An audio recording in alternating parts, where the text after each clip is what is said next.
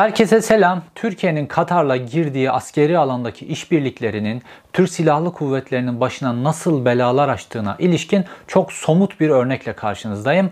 Bu aynı zamanda benden çok uzun zamandır ısrarla istenen Altay tankı dosyası. Bu dosyanın içerisinde son günlerde çok popüler olan bu TOK otomobil, yerli otomobil meselesine de hafiften gireceğim. Çünkü olayların birbiriyle çok ilginç bağlantıları var. Fakat esas olarak Altay tankı meselesi Türkiye'nin çeyrek asrının nasıl çöpe atıldığını ve bu olayın merkezinde de nasıl vurgun ve şahsi çıkarların olduğunu sırf bunların uğruna Türkiye'nin silahlı kuvvetlerinin nasıl büyük bir belanın içerisine sürüklendiğini ve Altay tankının bloke olmasının da bunun nasıl sonuçlarından biri olduğuna ilişkin çok somut, detaylı örnekler vereceğim. Olayın içerisinde elbette Türk Silahlı Kuvvetleri var, Katar var, Koç grubu var, Etem Sancak var, BMC var, Otokar var. Türkiye'nin yakın tarihinde Türkiye'nin en dramatik hikayelerinden bir tanesine şahit olacaksınız. Ve bunların hepsi tabii ki Türkiye'nin dürüst memurları, dürüst devlet görevlileri, dürüst askerlerinin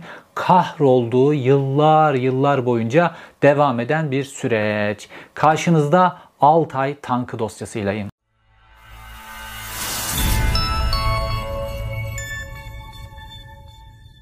Bu Altay tankı meselesi Tayyip Erdoğan'ın seçimde kullanacağı en büyük propagandalardan bir tanesi. Nasıl şimdi böyle yerli otomobil TOG'u böyle bir paletten geçirdiler. Aynı şekilde seçimden önce Altay tankını 2023 yılının başlarında iki tane Altay tankını çıkarıp sergileyecekler. Bu büyük bir yalan ve Türkiye'nin çöpe atılan 25 yılından ibaret. Şimdi bu yalanı ve büyük bir ihaneti bütün detaylarıyla size anlatacağım. Fakat bu Altay tankına daha sonra değinmeyi, seçime yakın değinmeyi düşünüyordum. Fakat geçtiğimiz günlerde bir gelişme oldu. Fatih Altaylı bu Altay tankı ile ilgili bir yazı yazdı ve bana bir masal anlat baba şeklinde bir yazı yazdı ve Altay tankının bir türlü bitmemesiyle ilgili bazı sorular dile getirdi. Ondan hemen sonra Altay tankını şu an BMC yapacak ya o BMC'nin şu an bir yöneticisi var. CEO'su 25 bin dolar maaş alan bir CEO'su var. Murat Yalçıntaş eski AKP İstanbul İl Başkan Yardımcısı. Normalde tanktan manktan anlamaz ama 25 bin dolarla oranın başına kondu. Ve o böyle yana yakıla Fatih Altaylı'nın ofisine gitmiş ve Fatih Altaylı'ya yeni masallar anlatmış. Fakat bir hafta önce bana masallar anlat diyen Fatih Altaylı nedense kendisine anlatılan bu masalların hepsini yutmuş ve o masalları olduğu gibi hiç sorgulamadan köşesine taşımış. Şimdi konjektür gereği Türkiye'nin içinde bulunduğu durum gereği vesaire Fatih Altaylı bunlara ses çıkarmamış olabilir. Ama ben bu videonun içerisinde göreceksiniz. Bu masalları anlatanların hepsini tek tek nasıl resil rüsva edeceğim.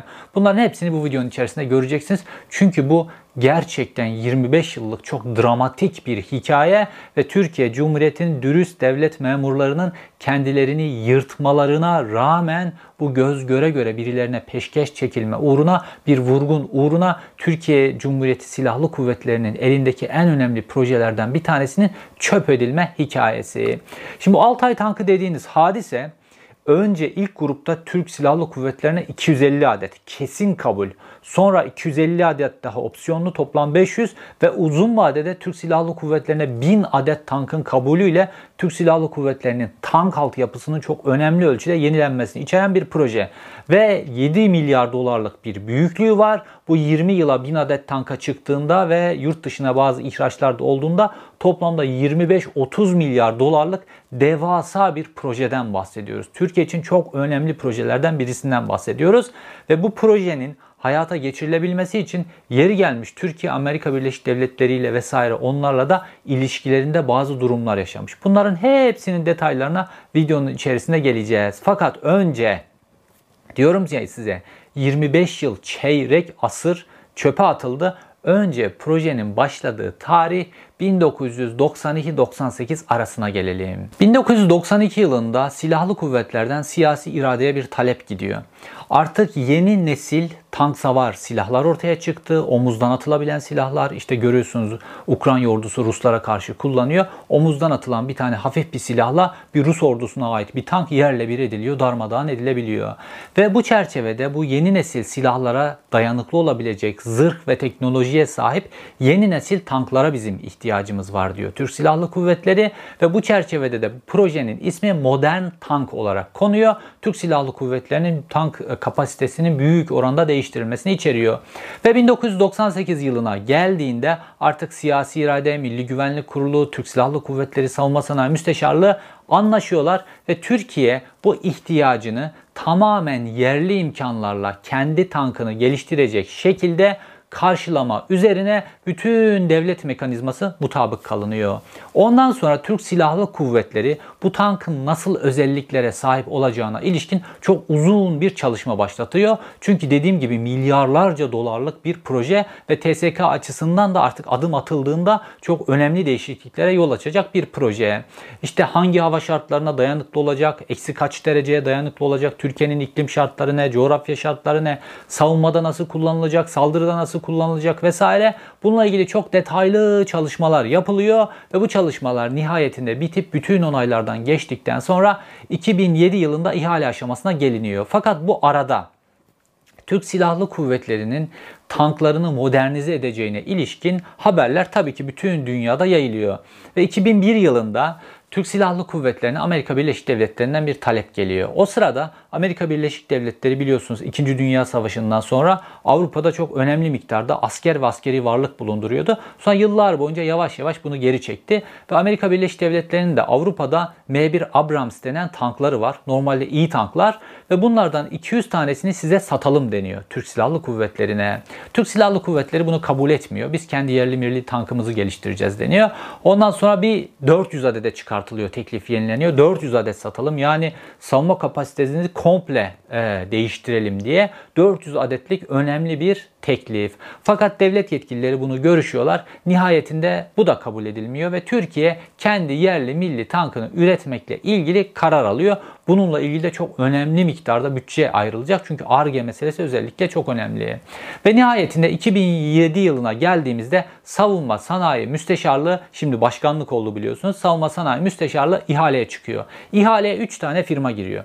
Bunlardan bir tanesi Koç grubunun Otokar firması, bir diğeri Nurol grubuna ait FNSS denen firma, bir diğeri de BMC. BMC de o zaman Kara Mehmet grubuna ait. Bunların üçü 2007 yılında ihaleye giriyorlar ve nihayetinde Otokar 495 milyon dolara bu ihalenin birinci aşamasını alıyor. Şimdi bu birinci aşamada ne var? Bu ihale parçalı bir ihale. Ee, birazdan anlatacağım şekilde.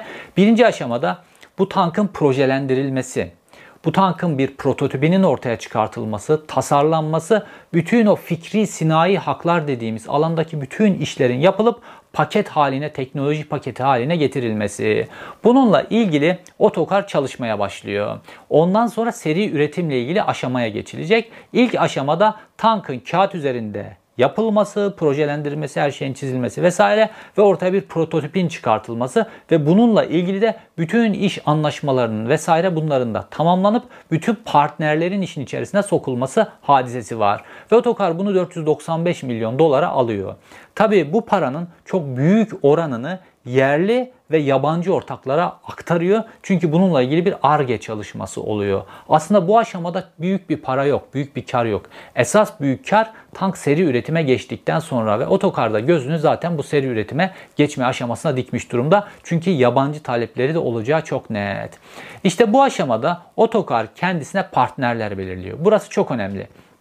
Çünkü bugün Türkiye'de böyle bazı firmalar böyle bazı şeyler üretiyorlar Ondan sonra bütün bu yerli partnerleri görmezden geliyorlar. Ama bu yerli partnerler az sonra sayacağım Aselsan gibi, Roketsan gibi bu yerli partnerler çok önemli işler yapıyor. Ve otokarda yerli partnerler, yerli ve yabancı partnerlerden oluşan bir grup oluşturuyor ve bu şekilde tankın prototipini yapmaya doğru gidiyor. Şimdi size tek tek bu yerli yabancı partnerleri ve bunların neler yapacağına ilişkin bilgileri veriyorum. Birinci yerli partner Makine Kimya Endüstrisi Kurumu tankın topumunun yapımı işi, işi makine kimya endüstrisine veriliyor. 120 milimetrelik tank topunu Hyundai Rotem'le birlikte teknoloji transferi yapıp makine kimya endüstrisi üretecek. Çünkü bunun alaşımı vesaire bunlar çok önemli. Bu tank topunu Hyundai Rotem'le birlikte makine kimya endüstrisi yapacak ve bunlar işe koyuluyorlar ve gerçekten de 120 milimetrelik bu tankta kullanılacak topu ortaya çıkartıyorlar. İkinci partner Roketsan. Roketsan'ın görevi zırh üretimi. Roketsan da Güney Koreli Hyundai Rotem'le yine anlaşıyor ve onların aktardığı teknoloji transferiyle birlikte çalışarak yeni nesil tank savar silahlarına dayanıklı zırhı yapıyorlar. Üçüncü partner Aselsan. Aselsan da atış kontrol sistemleri ve Akkor denen aktif koruma sistemini yapıyor. Ve dördüncü partner olarak da tank palet fabrikası var. Şu meşhur Arifiye'deki tank palet fabrikası. Sonradan biliyorsunuz BMC'ye bedelsiz olarak, BMC ve Katarlılara bedelsiz olarak verilen çok büyük bir milli ihanettir. Bu Arifiye'deki tank palet fabrikası da tankın palet ve askı donanımını üretiyor, ortaya çıkartıyor. Ve bir diğer ortak da Hyundai Rotem dediğim gibi bu otokarla işte otokar bu Hyundai Rotem'le anlaşıyor. Bu e, Güney Koreli firma tankın hem bir geçmişte başka tank modelleri üretmiş. Yani tank nasıl yapılır işini biliyor. Tank nasıl yapılır teknolojisini, bilgisini otokara aktarıyor. Aynı zamanda da otokarın bu saydığım firmalarla işbirliğinde bu firmalara teknoloji transferiyle ilgili bütün bilgileri veriyor Hyundai Rotem. İşler çok iyi gidiyor. İkinci bir yabancı partner de MTU denen e, Alman firması. Bu işte Alman Daimler Chrysler grubunun otomotiv grubunun ağır motor üreten firması bu. İşte uçak motorlar üretiyor, devasa gemi motorlar üretiyor, tank motorlar üretiyor vesaire. Hatta Türkiye'nin e, sahip olduğu milli gemi var ya Milgem projesi. Bunun motorları da burada üretiliyor. Biz bu MTU'yu nereden biliyoruz? MTU'nun Çerkezköy'de bir fabrikası var. Ve bu Çerkezköy'deki fabrikasında şu an Türk Silahlı Kuvvetleri'nin gururu olan fırtına obüs topları var biliyorsunuz. Bu fırtına obüs toplarının motorları da burada bu e, MTU'nun Alman MTU'nun Çerkezköy'deki fabrikasında üretildi. Ve bu MTU'da e, tankın bu tankın en önemli parçasını üretecek olan firma Alman MTU motor ve transmisyon ünitesini üretecek firma. Şimdi bu motor ve transmisyon ünitesiyle ilgili birkaç bir şey söylemek istiyorum. Bu tankların motor ve transmisyon ünitesine komple güç grubu deniyor ve bu transmisyon dediğimiz motorda üretilen gücü düşünün 1500 beygirlik bir motordan bahsediyoruz. Bu motorda üretilen bu gücü tankın paletlerine aktaracak sistem çünkü tankın paletler oldukça komplike biçimde çalışıyor. Bu çarklara aktaracak sistem ve normalde dünyadaki bütün A kalite modern tanklarda bu motor ve transmisyon ünitesi yani güç ünitesinin ikisinin aynı firmadan alınması esastır. Çünkü bunun tam uyum içerisinde çalışması lazım. Bunun ikisini aynı firmadan alamayan bazı dünyada örnekler var. Bu tankların hepsi özellikle ağır arazi şartlarında ortada kalırlar ve bu çerçevede de otokarda çalışıyor ve MTU'dan hem motor ünitesi hem transmisyon ünitesinin bir güç grubu olarak birlikten alınmasıyla ilgili anlaşmayı sağlıyor.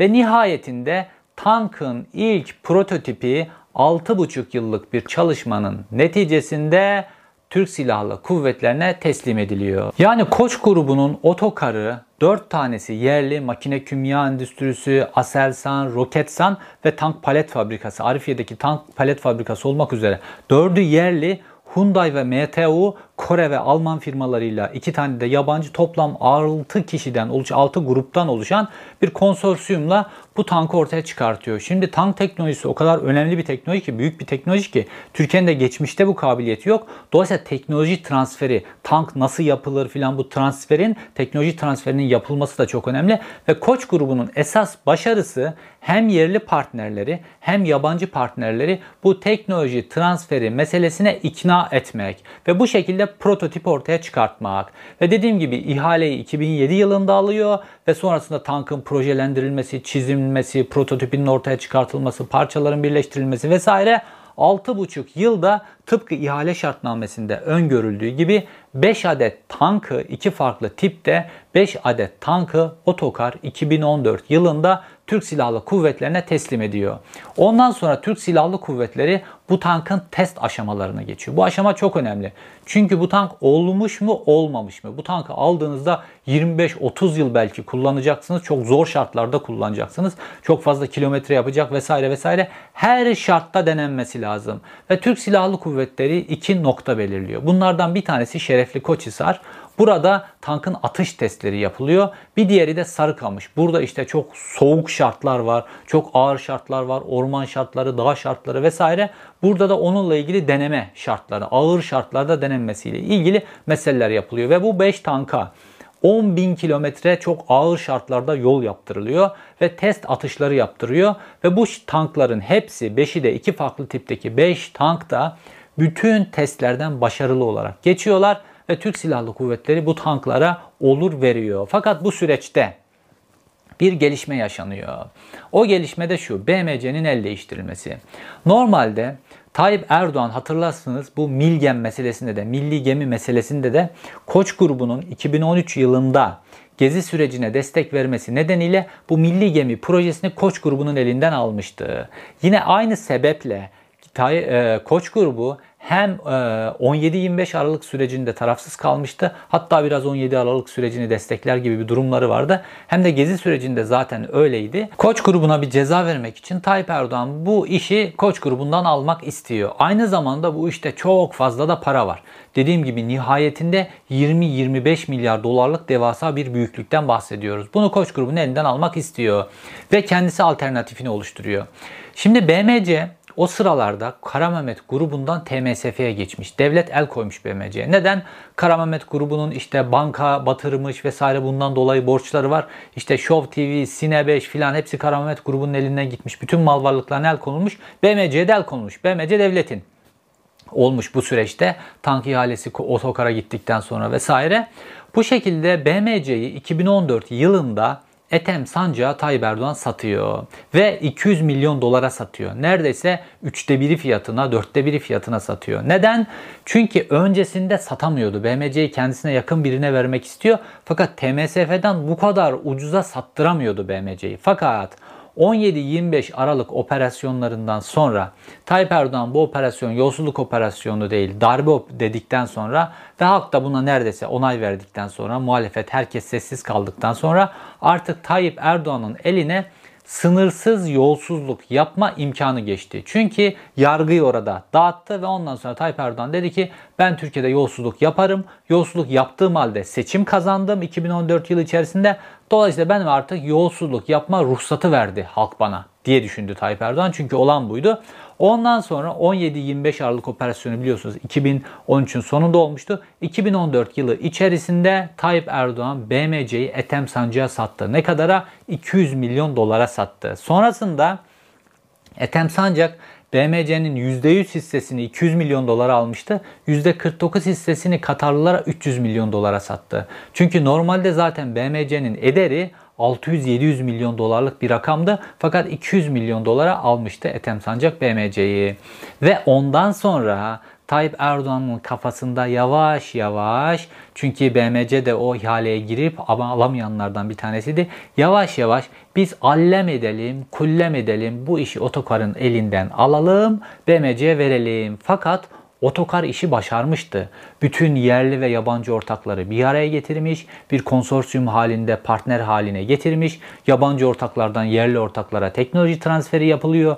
Yerli ortaklar da kendi imkanlarını geliştiriyorlar ve bu 495 milyon doların Koç'un aldığı ihalenin ilk aşamasının çok büyük miktarı Aselsan'a, Roketsan'a, bu yerli ve yabancı ortaklara gitmiş RD çerçevesinde ve ortaya 5 tane tank çıkmış. Ortaya 5 tane tank çıktıktan sonra işi Koç grubunun elinden alıp BMC'ye vermek için hakikaten çok büyük katakulliler çevirmek lazımdı ve normal Türkiye şartlarında olamazdı bu. Fakat 17-25 sonrasındaki şartlarda adım adım Tayyip Erdoğan bunu yaptı. Ondan sonra çok büyük bir ihanet sürecine ve çok dramatik bir ihanet sürecinin içerisine girmiş bulunduk. Ve geliyoruz Altay tankı ile ilgili ikinci aşamaya. Şimdi ilk aşama neydi? Prototip üretmek. Ortaya prototip 5 tane tank çıkarmak. Otokar bunu yapmış. İkinci aşama ne?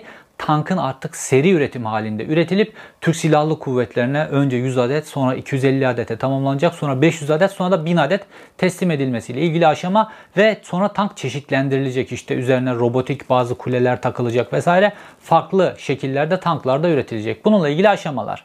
Şimdi otokar normalde oturacak savunma sanayi müsteşarlığıyla bununla ilgili 3 aşağı 5 yukarı anlaşacak ve bir anlaşma imzalanıp otokarla seri üretime geçilecek. Çünkü tankı yapmış firmayla, prototipini ortaya çıkartmış firmayla tank yapabileceğine ilişkin yerli yabancı ortaklarla ortaklık kurmuş, bu kabiliyeti göstermiş firmayla bunun imzalanması lazım.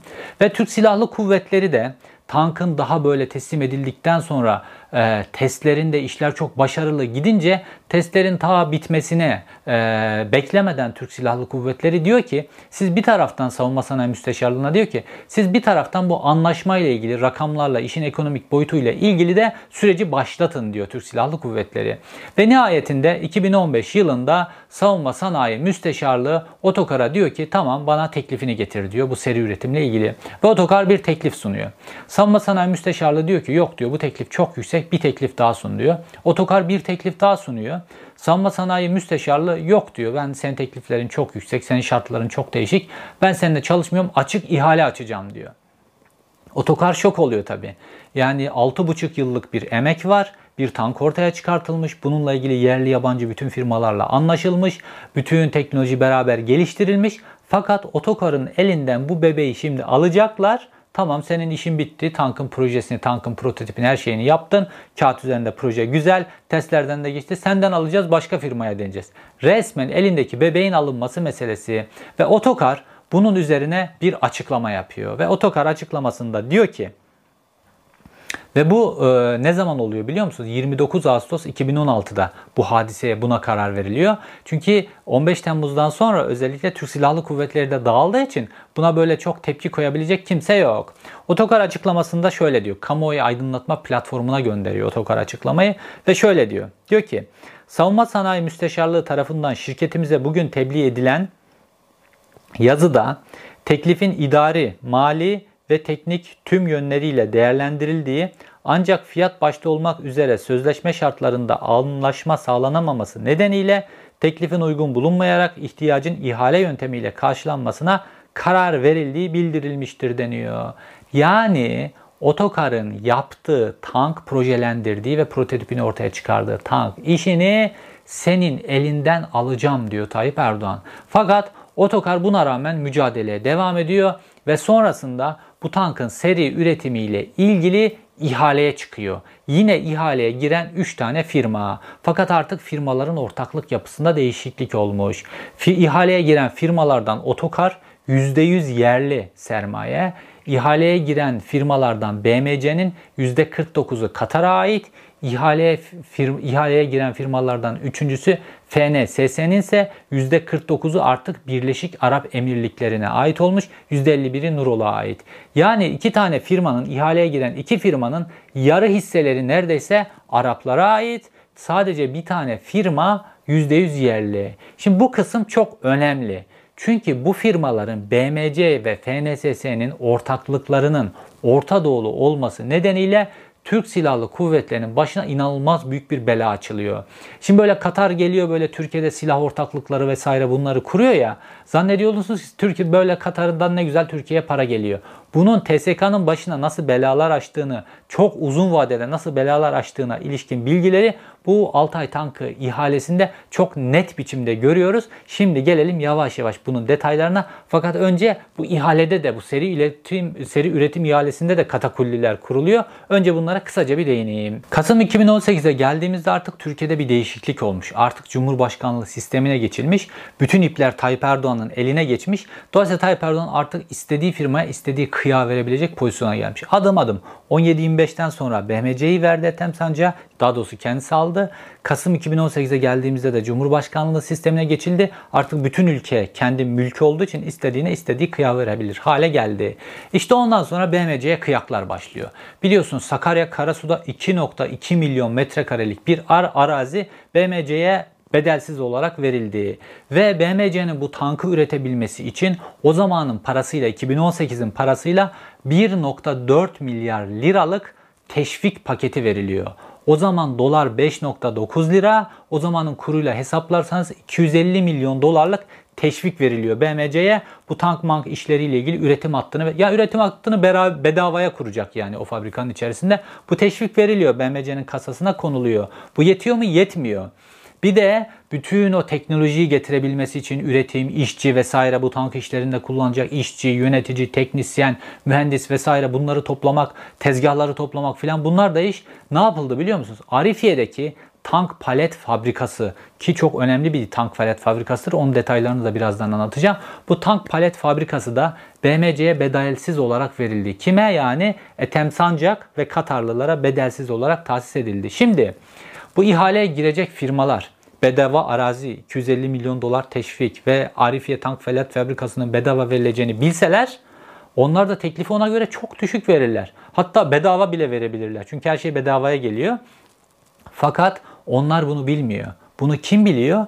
Katarlılar biliyor, Ethem Sancak biliyor. Dolayısıyla onlar düşük teklifi veriyorlar. Çünkü sonrasında ihale şartnamesine tamamen aykırı biçimde bu kıyaklar yapılıyor. Normalde ihale şartnamesinde olmayan kıyakların, bu tip kıyakların, teşviklerin vesaire sonradan verilmesi ihalenin iptal edilmesini gerektiriyor. Fakat ihalenin filan iptal edildiği yok. Hoş bakarsak tank bugüne kadar ortaya çıkmadı. Sözleşmeye göre çoktan 100-150 adet tankı teslim etmesi lazımdı BMC'nin. TSK'ya teslim edilen hiçbir tane tank yok. Bu da sözleşmeye aykırı. Sırf bu nedenle savunma sanayi müsteşarlığının sözleşmeyi iptal etmesi lazım ama Türkiye'de hukuk mu kalmış, adalet mi kalmış, kim takar sözleşmeyi?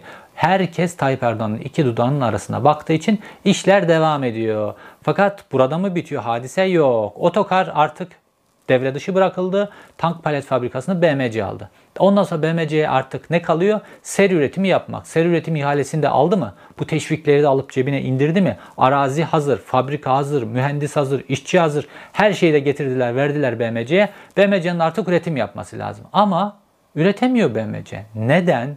Çünkü bu tankın en ana noktası ne? Motoru ve transmisyon ünitesi. Ve bunu da üretecek Alman bir firma var. Şimdi bu tankın teknolojisini geliştiren firmalar var ya, işte Hyundai var işin içerisinde, Roketsan, Aselsan, makine kimya endüstrisi vesaire. Bunlar o makine kimya endüstrisi, Roketsan, Aselsan vesaire, tank palet fabrikası bunların hepsi Tayyip Erdoğan'ın zaten hükmünde olan devlete ait şirketler. Bunların hepsine zaten boyun eğdiriyor Tayyip Erdoğan. Fakat Almanlara nasıl boyun eğdireceksiniz? Şimdi burada hep şu söyleniyor. İşte Türkiye Suriye'ye girdi. Ondan sonra da YPG'ye savaş açtı. YPG'ye savaş açıp orada Kürtleri öldürdüğü için vesaire bu yüzden Almanlar bu tankın motorunu bize vermiyorlar. Sürekli olarak bu propaganda yapılıyor. Fakat kazın ayağı öyle değil. Esasına gelelim şimdi. Hadisenin gerçeğine gelelim. BMC Alman MTU firmasıyla temasa geçmeye çalışıyor. Alman MTU firması BMC'ye cevap dahi vermiyor. Çünkü bu tankın motorunun ve transmisyon ünitesinin yani bütün o güç grubunun sadece bu Altay tankına satılması değil, teknoloji transferiyle beraber devri söz konusu, birlikte yapılması, üretilmesi söz konusu. Bunu BMC ile ilgili otokara evet diyen Alman MTU ve otokarın 5 tane prototip üretmesinde bu motorları, transmisyon ünitesini veren Alman MTU BMC'ye cevap dahi vermiyor. İşte burada esas dediğim Katar'ın Türkiye Cumhuriyeti'nin başını belaya sokma süreci başlıyor. Bu süreç nasıl? Şimdi bu batılı firmalar, batılı teknoloji devleri ve özellikle de savunma sanayi alanındaki teknoloji devleri. Bunlar Orta Doğulu firmalara, Orta Doğulu ülkelere silah satarlar fakat Orta Doğulu firmalara teknoloji vermezler. Yani bu silahları kendisinde üretip geliştireceği teknoloji transferini akıtmazlar. Neden? Bu ülkelerde demokrasi yoktur. Bu ülkelerde diktatörlerin bu teknolojide neler yapacağını öngöremezsiniz vesaire vesaire. Ayrıca müttefik değiller onlarla. Bu sebeple Türkiye'ye bunu veriyorlar. Neden? Çünkü Türkiye NATO'da Batı paktıyla müttefik NATO üyesi Türkiye. Dolayısıyla F-16'ların Türkiye'de üretilmesinden tutun da başka silahların üretilmesine kadar bunların hepsinde teknoloji transferi yapıldı. Hatta bugün Türkiye'nin çok övündüğü o böyle silahlı silahsız dronlar var ya bunların esas teknolojisi İsrail'den getirilen her onların işte beraber onlarla aktarılan teknolojiyle başladı bu işin esas mayası. Neden bunların hepsi? Türkiye NATO müttefiki olduğu için. Şimdi otokar kim? %100 yerli firma. %100 yerli firmaya Alman MTU teknoloji transferini kabul etmiş durumda. Fakat BMC'nin %100'ü Türk, Türk değil, %100'ü yerli değil. BMC'nin %49'u yarısı Katarlılara ait. Yani bir Orta Doğu ülkesine ait. Almanya Orta Doğu ülkesinin yarısına sahip olduğu bir şirkete aktarmayı, teknoloji aktarmayı reddediyor Alman firması. Bu sadece BMC için geçerli değil. İşte Birleşik Arap Emirlikleri ile ortak olan Nurol grubu da FNSS grubu da eğer bu tank ihalesini almış olsaydı ona da aktarmayacaklardı. Neden? Çünkü FNSS'nin de %49'u Birleşik Arap Emirlikleri'ne aktar satılmıştı. Yani Orta Doğulu ülkelerle savunma sanayi alanında ortak olursanız Batı müttefiklerinizden, NATO müttefiklerinizden teknoloji almayı beklemeyin. Şimdi her hepimizin çok e, gurur duyduğu Selçuk Bayraktar'ın dronları var ya. Bu Selçuk Bayraktar gitse şu anda Katarlılarla ortak olsa yani %100 yerli olmaktan çıksa e, Selçuk Bayraktar'ın ürettiği bu TB2 dronları vesaire hisseleri emin olun şu an onun optik sistemleri, yazılımda bazı parçaları, komuta kontrol sistemleri, ondan sonra yer radarlarındaki bazı sistemler ve esas güdüm sistemleri, hedefi vurma güdüm sistemleri, lazer işaretleme vesaire bunların hepsinde detaylı olarak baktığınızda yabancı firmalarla birlikte çalışıyorlar ve bu firmaların hemen hepsi ya Alman ya Amerikan firması. Bunlardan teknoloji transferi de yapılıyor. Bunlardan parçada satılıyor. Hadi tabii ki bir şeyi böyle %100 bütün her şeyi kendiniz yapamazsınız. Bu işbirlikleri çerçevesinde oluyor ve bunlar da Türkiye'nin uzun yıllardır Amerika'da, Almanya'da Türkiye'nin müttefikleri. NATO'da da birlikte üyeyiz. Dolayısıyla bu normal. Fakat Selçuk Bayraktar şu an gitsin firmasının %40'ını, 30'unu, 20'sini neyse Katarlılara satsın emin olun ona da vermezler. Çünkü bu uluslararası bir siyasetin getirdiği netice. Uluslararası müttefikliklerin, paktların vesaire bunların getirdiği netice. Aynısı Türkiye'nin hava savunma sisteminde de oldu. Türkiye'nin hava savunma sisteminin içerisine getirip Rus S-400'leri koyduğunuzda ondan sonra müttefiklerin size F-35'i vermiyor. Müttefiklerin sizin F-16'ların yeni modernizasyonunu yaptırmıyor. Yeni F-16 satmıyorlar müttefikleriniz. Neden? Çünkü getirip onun içerisine NATO paktının karşısındaki bir paktın unsurlarını sokuyorsunuz onun içerisine. Dolayısıyla bu şekilde bloke ediyorlar. Yani bu çok açık. Fakat normalde ne yapılması lazım? Dışişleri Bakanlığı'nın, Milli Savunma Bakanlığı'nın Genelkurmay'ın birlikte ve Milli İstihbarat Teşkilatı'nın bununla ilgili uyarması lazımdı. Şimdi bu saydığım kurumlar Türkiye'nin dış politikasını da yapan ve Türkiye'nin dış politikasındaki bu stratejik meseleleri de hesaplaması gereken kurumlar. Yani Türkiye savunma sanayi alanında iktidar izin verip BMC ile bu böyle bir ortaklık kurduğunda ve tutup da Altay tankını oraya verdiğinde buna Batı müttefiki olan Almanlar motor vermez. Bu sebeple vermez. Müttefik, Batı'nın müttefiki olmayan Orta Doğulu bir ülkeyi getirip buraya ortak yapmışsınız vermez diye uyarmaları lazımdı. Ve bu tank ihalesinin ki e, kara kuvvetlerinin bel kemiği diyeceğimiz bir ihale bunun BMC'ye verilmesine, Katar ortaklı bir firmaya verilmesine karşı çıkması lazımdı. TSK'nın Milli İstihbarat Teşkilatı'nın Türk Dışişleri'nin. Fakat Türk Dışişleri geçen hafta videosunu yaptım. Feridun Sinirlioğlu'nun elinde, Milli İstihbarat Teşkilatı Hakan Fidan'ın elinde, Genelkurmay Hulusi Akar'ın elinde. Bu üçü de kendi ikballerini, kendi istikballerini düşünüyorlar ve Tayyip Erdoğan'la hiçbir biçimde özellikle Tayyip Erdoğan'ın cebini ilgilendiren konularda hiçbir biçimde ters düşmüyorlar. Ülkenin çıkarları söz konusuysa normalde bürokratların siyasi iktidarla, siyasi liderlerle ters düşmesi gerekiyor. Bununla ilgili direnmesi gerekiyor. Fakat böyle bir direnç yok. Böyle bir direnç olmayınca ne oldu? Altay tankı ihalesini bu sonucu doğuracağını bu üç kurumda bildiği halde sessiz kaldılar. Altay tankı ihalesi BMC'ye verildi. BMC'nin ortağı da Katar. Katar'ın ortak olduğu bir yere de Almanlar motor ve transmisyon ünitesinin teknolojisini aktarmaz. Nihayetinde Almanlar hiçbir biçimde Alman firması, Alman Meteo firması, Daimler, Chrysler vesaire onun firması onlar izin vermeyince, daha doğrusu bu teknolojiyi vermeyince tank işi kilitlendi. Ondan sonra ne yapması lazım? Tankın en önemli şeyi motor yok. Motor ve transmisyon ünitesini bulmaları lazım. Bununla ilgili başladı arayışlar, başladı arayışlar. Tabi ortada motor olmayınca işler sarpa sarınca hemen yalanlarla olayı toparlamaya çalıştılar ve 2016 sonrası 15 Temmuz sürecinden hemen sonra Milli Savunma Bakanı yapılan Nurettin Canikli hemen bir açıklama yaptı ve dedi ki işte 2019'un sonunda başlıyoruz ve 2020'den itibaren Türk Silahlı Kuvvetlerine tankları teslim etmeye başlıyorlar dedi. Fakat 2020 geçti, 21 geçti, 22 geçti. Hala Türk Silahlı Kuvvetlerine teslim edilen bir tank yok. Hatta Savunma Sanayi Müsteşarlığı'nın böyle büyük stratejik planları var. Onların içerisinde 2017-2021 arasını kapsayan o 4 yıllık planda Türk Silahlı Kuvvetlerine teslim edilmesi gereken tank sayıları belirtildiği halde şu an Türk Silahlı Kuvvetlerine teslim edilen hiçbir tank yok.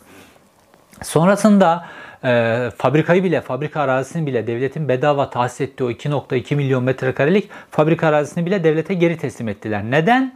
Çünkü Katarlılardan fabrikada orada o arazide tank fabrikası yapacağız diye aldıkları parayı iç ettiler. Bunda başka bir videoda anlattım. Katarlıları bile soydular. Katar'ın BMC'nin büyümesi için gönderdiği paraları dahi yediler. Bu Talip Öztürk ailesi Ethem Sancak'la beraber onların detaylarının hepsinde ayrı bir video yapmıştım zaten.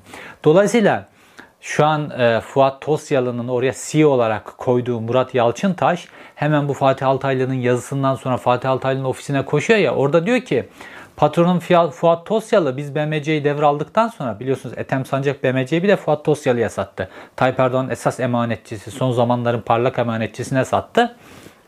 Fuat Tosyalı demiş ki ya biz demiş devletin arazisinde bu fabrikayı yapmayalım kendi arazimizde yapalım bu fabrikayı demişler ve devletin arazisine o Karasu'daki 2.2 milyon metrekare araziyi bu yüzden devlete devretmişler. Halbuki tamamen yalan. Fatih Altaylı'nın orada bu yalan demesi lazımdı. Çünkü Katarlılar artık siz yolsuzluk yapıyorsunuz diye para vermedikleri için oraya fabrikayı yapamıyorlar. Oraya o devasa fabrikayı yapacak paraları yok şu anda. Dolayısıyla şu an plan değişti yine. Şimdi yeniden bir fabrika yapacaklarmış. Sözde başka bir organize sanayi bölgesinde arazi bulmuşlar.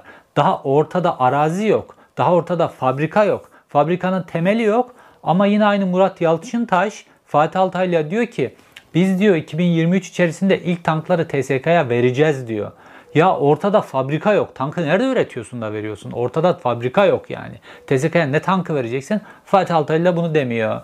Böyle aşama aşama Fatih Altaylı'ya bunların söyledikleri yalanlara şimdi gelelim. Fatih Altaylı bu tankla ilgili bana bir masal anlat yazısını ilk yazınca hemen kendisini arıyor BMC'nin CEO'luğuna getirilen 25 bin dolarla CEO'luğuna getirilen Murat Yalçıntaş Fatih Altaylı'nın ofisine hemen gidiyor. Biz Altay tankını anlatmak istiyoruz diye ve başlıyor anlatmaya. Fatih Altaylı ilk önce şu soruyu soruyor. Diyor ki ya diyor bu tank niye bu kadar gecikti diyor. Diyorlar ki ya Türk Silahlı Kuvvetleri'nin yeni ihtiyaçları oldu. Yeni taleplerde bulundu tankla ilgili. Bu sebeple gecikti diyorlar. Yani ihaleyi Türk Silahlı Kuvvetlerine yıkıyorlar. Ya Türk Silahlı Kuvvetleri'nin yeni talepleri olabilir tankla ilgili fakat fabrika nerede? Fabrikanın yapımı, fabrikanın inşaatı, seri üretim falan vesaire bunlarla Türk Silahlı Kuvvetleri'nin yeni taleplerinin ne alakası var? Daha ortada fabrika yok.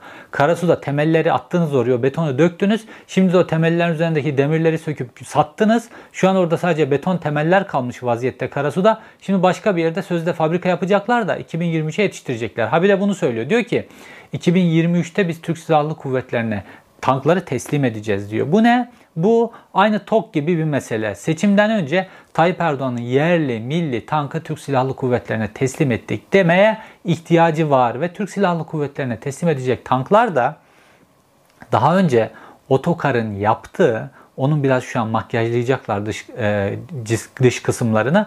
Otokar'ın yapıp teslim ettiği o prototipleri Türk Silahlı Kuvvetlerine yeniden bir teslim töreni yapacaklar ve yeniden bunun seçim döneminde, seçimin öncesindeki dönemde reklamını yapacaklar. TOG'da da aynısı oldu. Bakın TOG'un fabrikanın içinden görüntüleri bir türlü yayınlamıyorlar. Şu an ki reklamı ne kadar severler bunlar değil mi? Şu an mesela YouTube'a girin. BMW'nin fabrika içi görüntülerini, üretim hattı görüntülerini izleyebilirsiniz. Mercedes'in izlersiniz. Ferrari'nin bile izlersiniz. Fiat'ı izlersiniz. Bütün fabrikaların izleyebilirsiniz iç görüntüleri. Fakat niyeyse TOG'u Tayyip Erdoğan böyle duyuruyor, showroom gibi bir şey yapmışlar. Orada Tayyip Erdoğan biniyor, sürüyor. E o arabayı Tayyip Erdoğan daha önce de sürmüştü zaten TOG arabasını. İlk değil ki daha önce de ilk getirdiklerinde de o prototipleri yine sürmüştü. Aynı arabayı yine sürüyor Tayyip Erdoğan. Fakat niye? Normalde Tayyip Erdoğan ne yapması lazım? Fabrikanın içini gezmesi lazım. Fabrikanın içindeki o modern tesisleri, üretim hattını, çalışan işçileri vesaire bunların hepsini göstermesi lazım değil mi? Ama fabrikanın içerisinden hiç görüntü göstermiyorlar dikkat ederseniz. Ve bir tane işçi ne yaptı?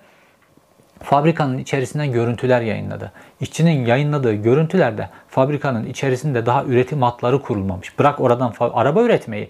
Daha üretim hatları kurulmamış. Daha böyle yarı inşaat halinde bazı böyle odaları modaları bir şeyleri falan yapıyorlar. Ya üretim hattı olmadan siz biz bu fabrikadan bu arabayı ürettik nasıl diyorsunuz? Yok. Neye ihtiyaç var? Tayyip Erdoğan'ın seçime doğru hazırlıklara ihtiyacı var. Şimdi ilk arabayı ürettik diyecekler. Sonra arabanın bayiye verdik diyecekler filan. Ama arabaların Türkiye'deki fabrikada üretildiği yok. Arabalar İtalya'da üretiliyor, limandan getiriyorlar, arka kapıdan Türkiye'ye sokuyorlar. Şu an TOG diye Tayyip Erdoğan'ın bindiği, gezdiği arabalar var ya, Türkiye'de üretilmiş arabalar değil. Onlar İtalya'da üretilip getirilen arabalar. Şimdi bu Altay tankında da aynısını yapacaklar. Seçimden tam önce hiç yetişmeyecek, zaten fabrikası bile ortada olmayan bir tank çıkaracaklar. Ulan bu tank böyle e, sanayide falan yapılabilecek, toplama yapılabilecek bir şey mi? Yok. Ne yapacaklar? Otokardan, otokarın ürettiği o büyük emeklerle üretilen o tanklar var ya onlara makyaj yapacaklar. Seçimden önce dayayacaklar. Bunda bütün medya yiyecek mi? Yiyecek. Ama niye?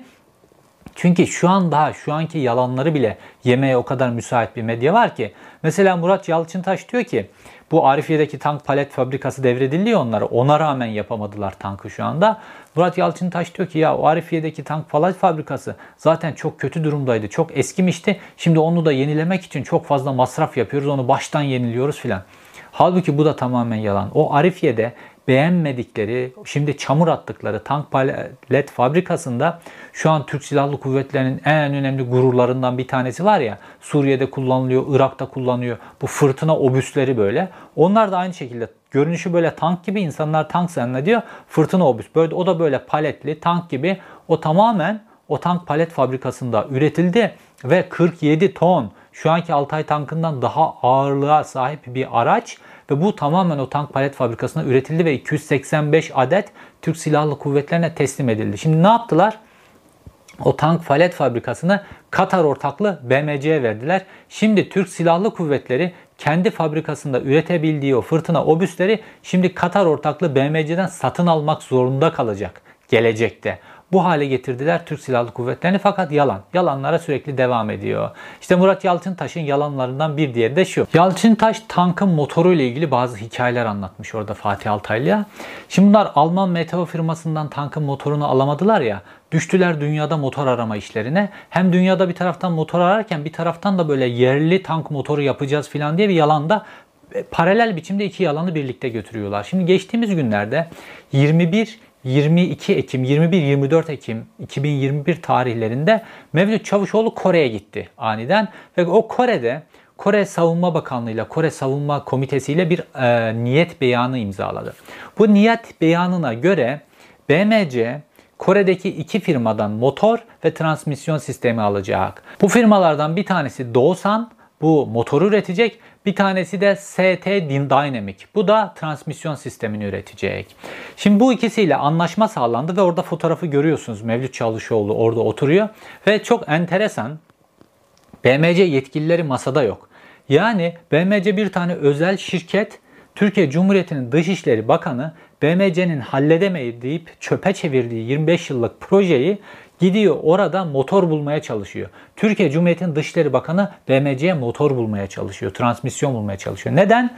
Çünkü BMC şu an o kadar böyle çoluk çocuğun elinde ki o Murat Yalçıntaş diye 25 bin dolara oraya oturttukları adam Oradan önce o Taha Yasin Öztürkler vesaire BMC'nin sahibi olan o böyle gencik bir çocuk var. Ferrari ile İzmir sokaklarında şov yapan çocuk. Onu BMC'nin başına koymuşlardı. Ya o çocuk tanktan, stratejik böyle yatırımlardan filan ne anlar? BMC soydu ancak o çocuk. BMC'nin o Katar'dan gönderilen bütün paraları inşaat inşaat işlerinde yolsuzluk yapıp götürme işlerinde kullanıldı sadece o çocuk. Şimdi bunlar gitseler Murat Yalçıntaş o çocuk vesaire gitseler Korelilerin karşısına otursalar Koreliler bunları muhatap olarak kabul etmez. Böyle bir kapasitesi yok. O yüzden Türkiye Cumhuriyeti'nin Dışişleri Bakanı gidiyor BMC için motor anlaşması imzalıyor. Ya böyle bir rezalet olabilir mi? Ya zaten bu tank yapılmış otokarla devam etsenize yok illa o para bizim cebimize girecek. Ve burada anlaşma imzalandı. Dorsan motoru yapacak, Dorsan motoru yapacak, ST Dynamic'te transmisyon sistemini yapacak. Fakat gizledikleri başka bir rezalet var. Şimdi Kore ordusunun K2 denen bir tankı var. Ve bu K2 tankını da bu Dosan denen firma üretti bu K2 tankını. Ve ST Dynamic'in transmisyon sistemini kullandı. Fakat bu K2 tankı Kore ordusunun testlerinden geçemedi. Ve ondan sonra Dosan firması Alman transmisyon markasını kullandı e, ve Alman transmisyon markasıyla birlikte bu tankı Kore ordusuna kabul ettirebildi. Yani Mevlüt Çavuşoğlu'nun imzaladığı anlaşma ne biliyor musunuz? Kore ordusunun başarısız bulduğu, testlerden geçti, geçirtmediği güç grubunu alıp getirip Altay tankına çakacaklar bunlar. Neden? Çünkü bir an önce yetiştirmeleri lazım. Panik içindeler vesaire. Proje yıllardır yıllardır devam ediyorlar. İçinden çıkamıyorlar bir şekilde. Ne olursa olsun bu işin içerisinden çıkalım. Kore ordusunun testlerinden geçememiş güç grubunu Altay'a almak için oraya niyet beyanına imza attılar. Fakat yine zorluklar var. Neden? Çünkü Kore'nin kullandığı o güç grubunun içerisindeki bazı parçalar Alman menşeli. Şimdi Almanya Katar'ın ortak olduğu BMC'ye bu parçaları kullandırmak istemiyor Alman firması. Neden? Az önce saydığım müttefiklik nedeniyle. Şimdi bunlar da diyorlar ki biz o parçaları kendimiz yapıp buna uyumlandırırız. Yani e, yedek parça yaparız, kendimiz uydurma parça yaparız diyorlar. Düşünün uydurma birbirine testten geçmemiş, başarısız olmuş bir motora bir de bunlar uydurma parçalar yapacaklar. Bunu da getirip 40 tonluk bir tane araca 1500 beygirlik bir motor diye koyacaklar ve bunu da sonra götürüp Türk Silahlı Kuvvetlerine satacaklar. BMC cebini dolduracak. Ondan sonra Türk Silahlı Kuvvetleri'nin de başı bu tanklarla ağır arazi şartlarında vesaire Allah bir savaş vermesin. Başımız belada. Kara kuvvetlerinin en önemli silahında uydurma, çakma bir parçalar kullanarak bir şey ortaya çıkarmaya çalışıyorlar. Fakat bir de bununla eş zamanlı olarak bir de tuttular yerli motor e, çıkaracağız dediler. Bu yerli motorun adı da Batu koydular bu yerli motorun adına. Hatta bununla şov yaptılar. Şimdi bu Batu Batu'dan önce bu BMC filan ilk alınca bu işleri filan Yeni Şafak grubu var ya işte Tümosan denen onların bir tane traktör müraktör ürettikleri böyle bir yer var.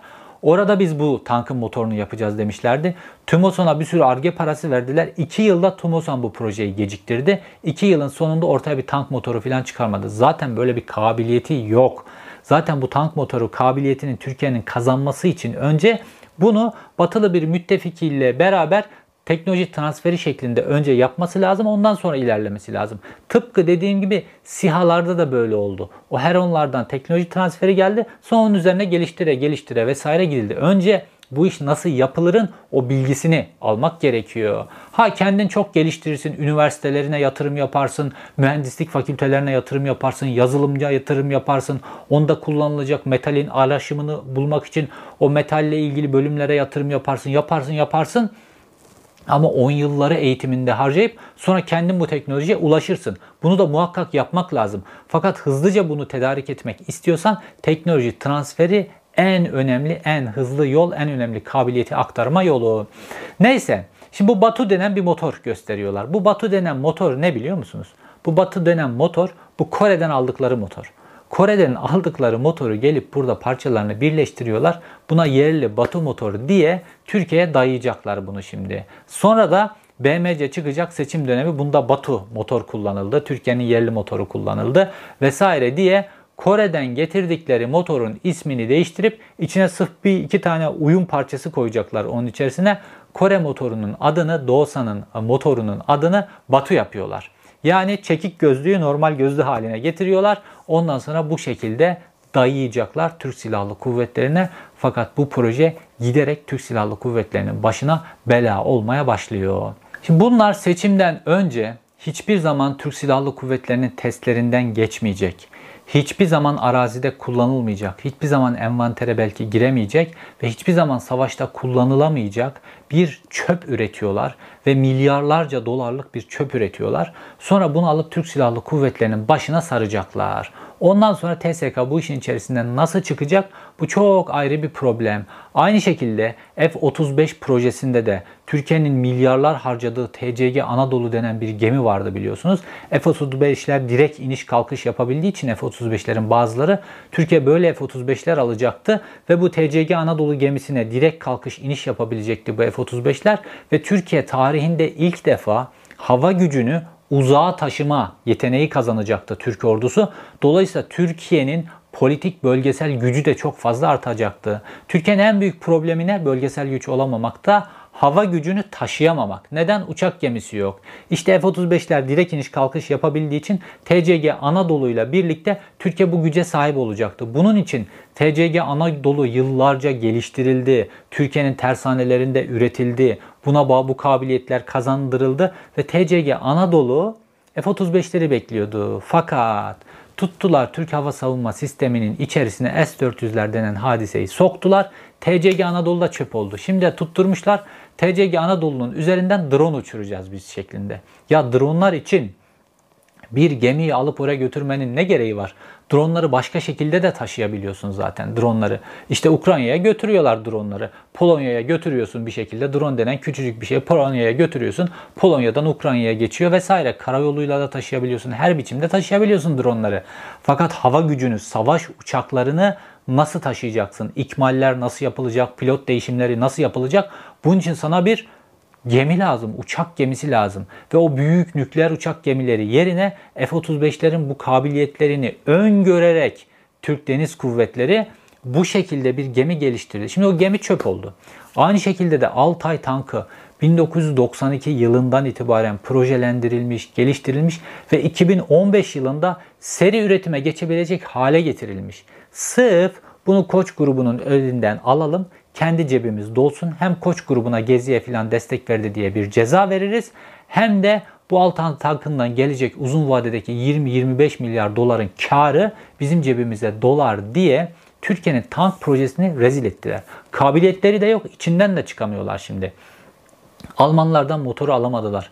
Kore'den gittiler çürük motoru aldılar. Ondan sonra getirecekler bunu Altay tankına sokacaklar ve ondan sonra Türk Silahlı Kuvvetleri'nin sözde ihtiyaçlarını karşılayacaklar. BMC şu anda Türk Silahlı Kuvvetleri ve Emniyet Teşkilatı'nın hafif zırhlı bazı araç ta- e, talepleri var. BMC şu an ekonomik darboğazın içerisinde olduğu için bu araç taleplerini karşılayamıyor. BMC'ye tuttular bununla ilgili üretim hattı kurdular. O üretim hatlarında peşin parayla sadece ham madde verenler BMC'nin bu borç batağında olması nedeniyle peşin parayla verdiği için peşin parayla bu malzemelerini alamadıkları için TSK'nın şu an 2021 yılında teslim etmeleri gereken hafif zırhlı araçlarını teslim edemiyor BMC. Kaldı Altay tankı gibi böyle bir seferde 100 adet sonra 100 adet, 100, sonra 150, 150 toplamda 1000 adede gidebilecek kapasitesini karşılayacak. Böyle bir kapasitesi yok. Zaten BMC'nin başına koyduğu Sion'un da böyle bir kabiliyeti yok. Murat Yalçıntaş denilen adam AK Parti İstanbul İl Başkan Yardımcısıydı. Muhafazakar bir aileden geliyor diye filan o gelenekten geliyor diye. İl Başkan Yardımcısıydı. Sonra Tayyip Erdoğan desteğiyle filan İstanbul Ticaret Odası Başkan oldu. İstanbul Ticaret Odası Başkanlığında da yolsuzluk yaptı. Bundan dolayı tutuklandı yolsuz, başarısız filan bir adam ondan sonra işte akademiye geçti falan. Bu adamı getirdiler. Ya bu adam tanktan, tank üretmekten filan ne anlar? Getirdiler BMC'nin başına koydular. Neden?